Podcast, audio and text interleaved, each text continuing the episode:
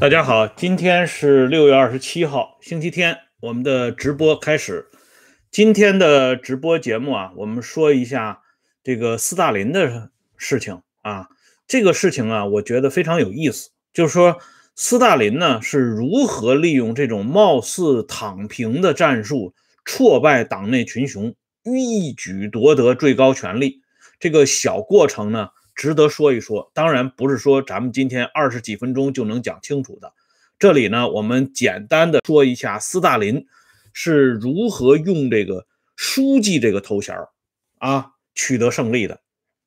大家对书记这个头衔并不陌生，我们生活在这块神奇的土地上，经常能够看到各种各样的书记的头衔啊，包括刚刚已经嗝屁的复旦大学的那个党委书记啊。也是书记，那么这里呢，我们就注意到一个非常有意思的现象啊，斯大林呢是通过书记这个头衔迈向最高权力宝座的。按说呢，他这他对这个自己脑袋上的这个书记和总书记应该是特别的重视，可是，在他亲手主持和把持的苏共的第十九次全国代表大会上，也就是他生平最后一次。主持全国党代表大会，一九五二年召开的。他呢，在党章报告当中亲手删除了总书记这个头衔以后啊，苏共中央自一九五二年开始，斯大林认为没有必要设立总书记了，所以呢，就让人觉得特别的奇怪，因为这个时候斯大林还是大权在握。其实，即使设立总书记，也应该由他来担任。他为什么要删除这么一个头衔呢？况且，这个头衔是帮助他啊把持苏联大政，以致影响全世界政局的一个关键的台阶于是呢，我们就要把话题一下子推到书记的啊源头。在十月革命胜利以后啊。这个布尔什维克党内，列宁、托洛茨基和斯维尔德洛夫这三个人呢，组成了最高三人团。这三个人呢，列宁是负总责啊，抓总，所有的全局性的工作都由列宁来拍板。托洛茨基呢，主要是负责军事工作，同时呢，还主抓这个一部分的组织宣传工作。而斯维尔德洛夫呢，这个人能力非常超强，他这个身上呢有点类似于咱们这个周恩来和任弼时身上的形象，他主要是抓机关建设，这点很厉害啊。所以斯维尔德洛夫呢一身兼任苏共中央书记和呃全俄中央执行委员会主席的身份，但是这个啊人呢能力非常超群。可是身体跟不上，很快呢，他就嗝屁了。他一嗝屁之后呢，这三人团就失衡啊。于是呢，托洛茨基啊，安插他的亲信进入到刚刚成立的中央书记处啊，当时呢就是秘书处啊。这个时候呢，中央形成三驾马车：政治局、组织局和书记处这三大块。列宁这个时候身体啊也开始不好了，所以列宁身边的两个重要的亲信基米，呃季诺维也夫和这个加米涅夫他们就认为，如果听任托洛茨基继续把持革命军事委员会和书记处的权利，那么就非常麻烦。而这个观点呢与列宁不谋而合，因为列宁当时认为啊。苏共中央这个书记处啊啊办事不力。当时在书记处主持工作的是组织局委员兼书记处书记，同时呢还是政治局候补委员的莫洛托夫。这个人哈，在上个世纪三四五啊这二三十年当中，在苏联政坛上是一个风生水起的人物。他长期呢主持外交工作。但是莫洛托夫这个人呢，这个人的特点是非常粗暴啊，非常这个武断。列宁呢看不上这个人啊，所以呢，列宁就结合了季诺维也夫他们的建议以及莫洛托夫的无能，他就决定把斯大林放进来。这就是斯大林第一次拥有书记头衔的源头，但这只是源头的一部分。另外一部分，为什么大家决定把斯大林选到中央书记处，并且由斯大林担任日后那个令人谈虎色变的头衔总书记？这里呢，就有斯大林的策略。斯大林这个人呢，在列宁的诸多老禁卫军和战友当中呢，他是一个非常特殊的人物。这个人的缺点和优点都非常突出。他的优点就是坚韧不拔，为达目的啊不择手段啊，不是不达不择手段啊，他当然是不择手段，就是为达目的不罢休，有一种啊一条道走到黑的这股劲儿。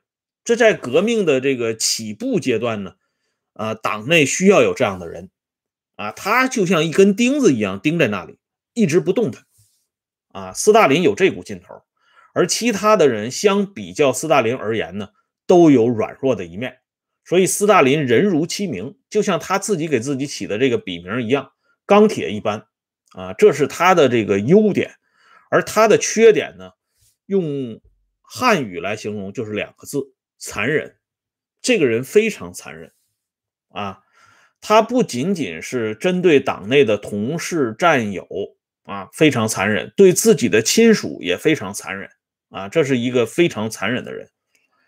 可是斯大林这个人呢，虽然在党内啊资历也还可以，可是呢，他的位置一直是不上不下啊！因为呢，列宁很快就发现斯大林这个人。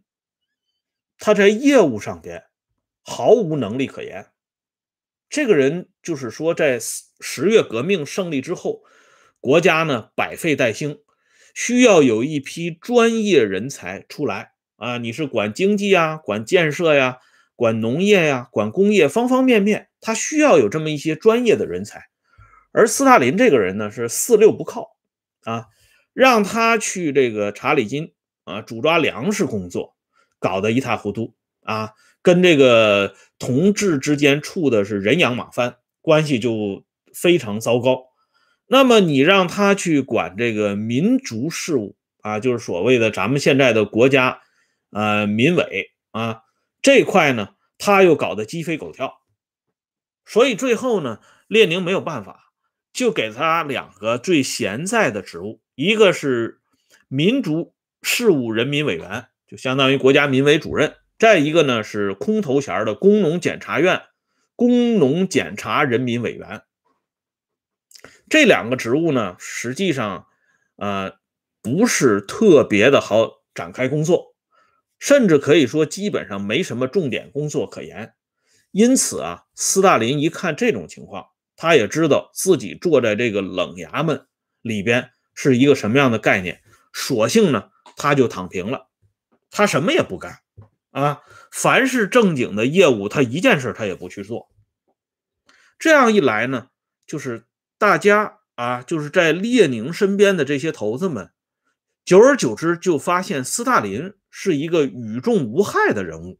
这个人可有可无，同时呢，他的缺点特别多啊，因为斯大林的辫子很多，像季诺维也夫啊、加米涅夫啊，都知道斯大林的老底子。有些事情呢还说不清楚，因为一深究呢，可能还容易出现历史历史反革命这种头衔所以列宁身边的这几个关键性的人物，包括列宁在内，反而呢还不防着斯大林了。这个时候，大家的目光呢主要聚焦在托洛茨基身上。托洛茨基呢是一个头角峥嵘、锋芒外露的人物啊，走到哪里呢都是前呼后拥。啊，锣鼓喧天，所以呢，久而久之，他就有喧宾夺主的概念了。毕竟列宁是老大呀，而斯大林呢，就在不显山不漏水的过程当中呢，做了一件最重要的事情，扒了人头啊，他每天呢上班闲着没事他就翻这个花名册，翻这个干部名单，呃，谁谁曾经干过什么，啊，谁谁曾经在什么地方任过职，谁谁跟谁谁有什么样的特殊的关系，他主要就是摸这这套东西啊，这叫数人头，这人头数的特别细。后来呢，因为无事可做，斯大林就开始啊提出一个建议，说我们这个工农检察院呢，啊需要处理很多事务性的工作，那么我们就需要有很多的干部要得到提拔重用。于是呢，他就拉了一个长长的名单。他说，工农检察院需要一千到一千两百名新的工作人员，至少也要两百五十名以上。这个名单报到列宁那儿之后呢，列宁就把他给否决了。列宁说：“国家创立伊始，哪有这么多银子养这些闲人呢？你提这个名单没有用。”虽然呢，列宁把这个名单否决了，但是斯大林在底下的这些干部群体当中却有了一个不俗的影响。大家觉得跟这个叫斯大林的人看来有盼头。因为他经常能够主动的把这些干部的位置进行向上调整，这样的话呢，斯大林在这些中层干部当中就开始建立威信了。而恰巧这个时候，斯维尔德洛夫去世，列宁需要前置托洛茨基，要重新啊把这个中央书记处进行整合，斯大林就成了合适的人选。要说呀。在这个这种特殊的体制里，出现书记这个头衔一点都不偶然，而且某种程度上讲，这个书记的出现，让啊，就布尔什维克专政的这种模式呢，比封建王朝封建王朝啊还要糟糕。因为封建王朝它有一个什么特点呢？比如说各省的布政使啊、按察使、提督。这是啊，主管三大领域内的，包括这个巡抚，他要懂业务啊，你要知道钱粮，要知道税赋，要知道刑狱，要知道民生，这四大块你是必须要了解的。即便是雍正皇帝手下的头号宠臣，像田文镜，他辖区内出现类似的问题，雍正皇帝呢虽然袒护他，但是呢。也要把他从关键性的岗位进行调离，否则的话，这工作就没法开展了。但是布尔什维克这种体制呢，它就比较特殊，它炮制出一个非常虚拟的职务，叫书记。这个书记涵盖范围很广，它既是虚虚拟的，同时呢又是务实的。你说它虚拟呢，具体业务它从来不抓。你说它是农业呀、工业呀。国防啊，经济啊，他什么他都不抓；金融啊，教育他什么都不管。但是呢，他又什么都管，因为他管人，哎，他管具体办事的人。所以斯大林这个人非常聪明，他一下子就看出来中央书记处是他真正发迹的地方。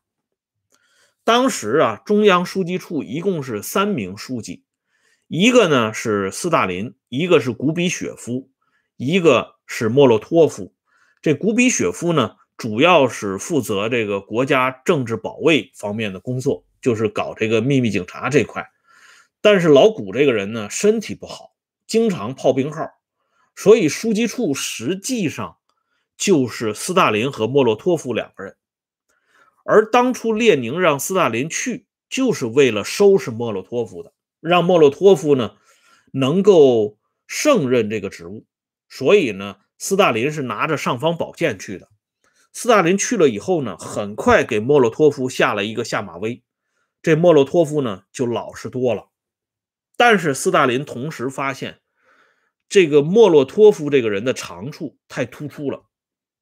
哪两个长处呢？第一，忠顺啊，特别喜欢服从。第二呢，这个人坐得住。莫洛托夫有一个外号。叫石头屁股，就是说他一旦坐到办公室里，就像一块石头压在那里一动不动。这是机关工作人员首屈一指的素质啊！所以斯大林把莫洛托夫收入掌中。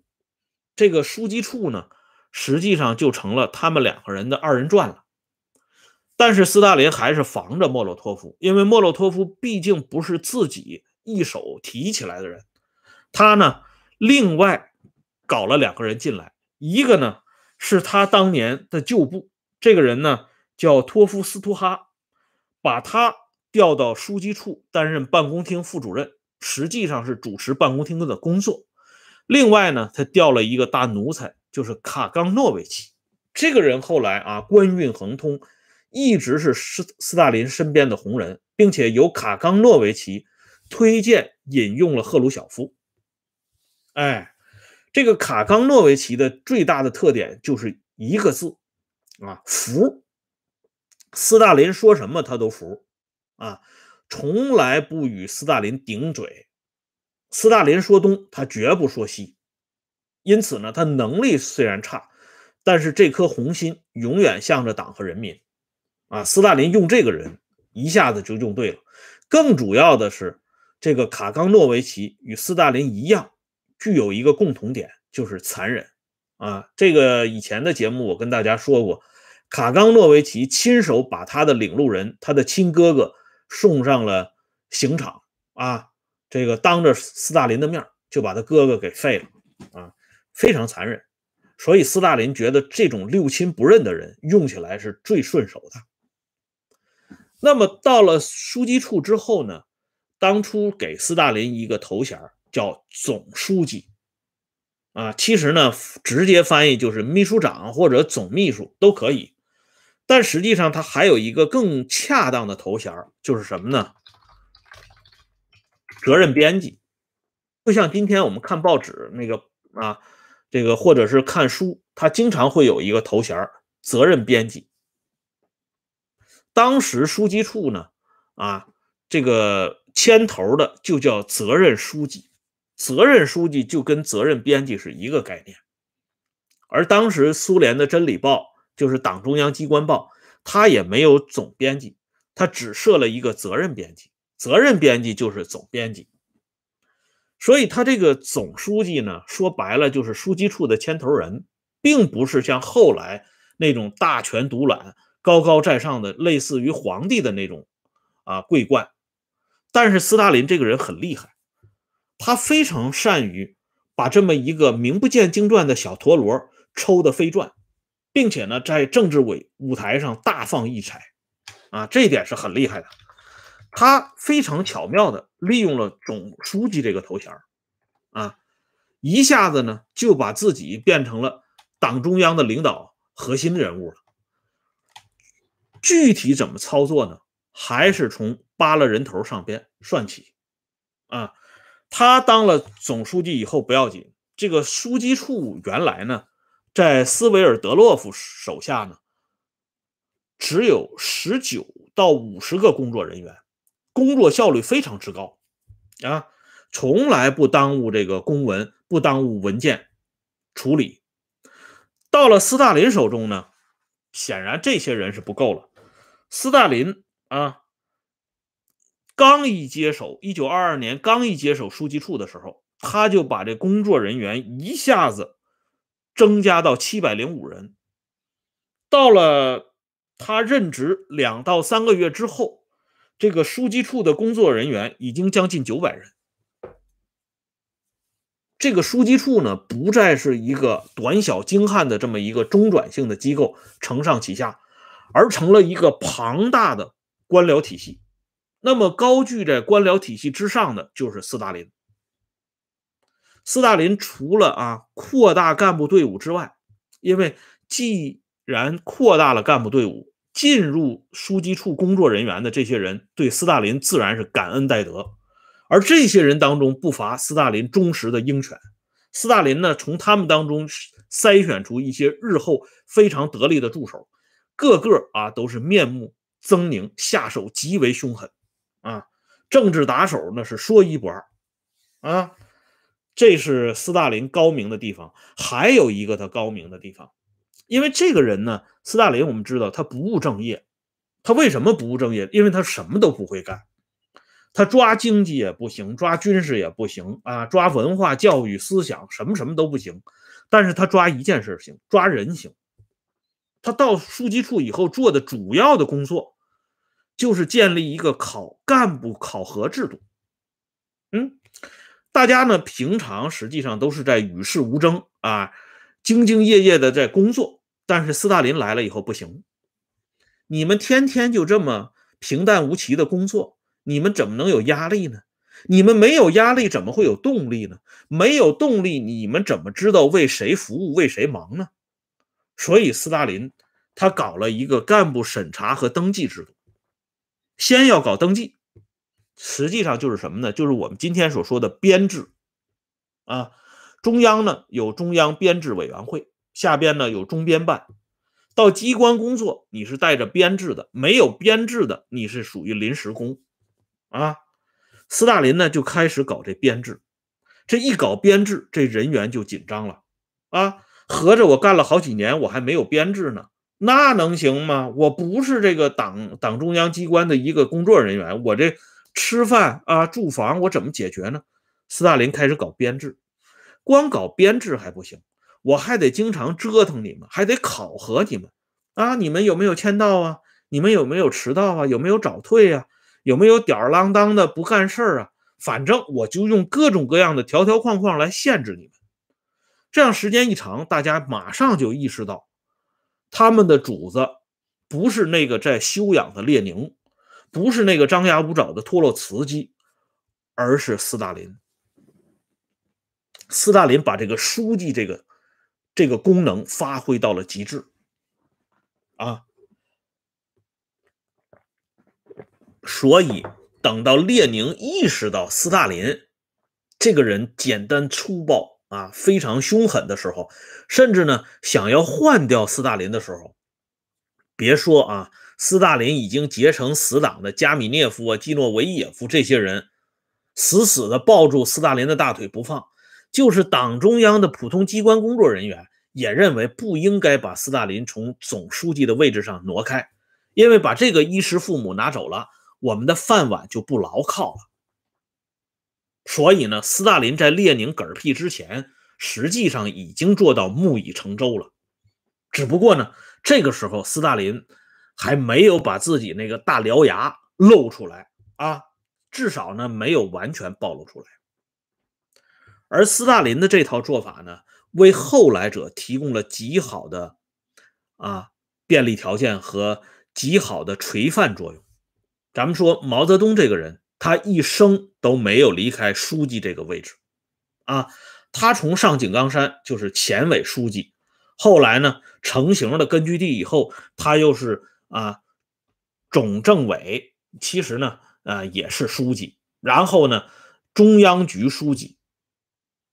中央军委书记啊，也就是后来的中央军委主席啊，中央书记处主席等等啊，他一直是把这个书记的位置把持在手中。这个若有若无啊，若虚若实的职务，帮助他包打天下。而继毛而起的邓小平也是书记出身啊。包括他那个晚年念念不忘的淮海战役总前委书记，同样也是书记。他晚年这个推动的所谓的改革开放啊，他在上边呢号称总设计师，其实他还是书记。哎，那第三代以后咱们就不用说了，大家都已经能够看到了。所以这个书记的头衔很厉害，而这个躺平呢更厉害。因为这个躺平之后呢，他很容易给别人造成错觉，认为这个人呢已经自我放弃了啊，那我们就不用提防他了。这躺平的人呢，想要当书记的人，他首先要躺平，躺平之后他就开始琢磨人，他就想当书记，当了书记他就想当总书记。所以为什么中央反对躺平，这是非常英明的。你不能十几亿人都想当书记，都想当总书记，那还得了啊？那是绝对不允许的啊！党和人民只能有一个啊，不能花叉着都来，那就乱套了。所以呢，由这个斯大林的发迹的过程呢，我们就可以看到“躺平”和“书记”这两个关键词的作用了。好了，今天的话题呢，我们就说到这里。感谢朋友们上来收看和收听以及支持啊！欢迎大家关注“温相说时政”会员频道，周一到周五每天都有更新。再见。